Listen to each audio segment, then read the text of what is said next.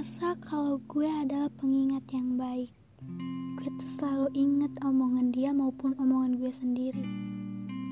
Gue inget kalau gue pernah bilang, gue gak bisa bayangin kalau hidup gue tanpa dia. Eh, sekarang gue malah jalanin hidup gue tanpa dia. Gue berasa ini tuh mimpi.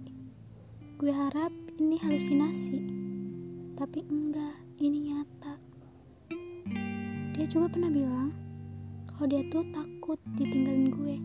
Eh dia sendiri yang ninggalin. Kecewa sih. Dia manis banget.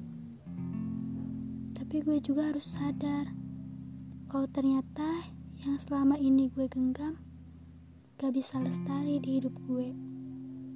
Tapi gue gak tahu Gimana caranya berdiri di atas pecahan hati?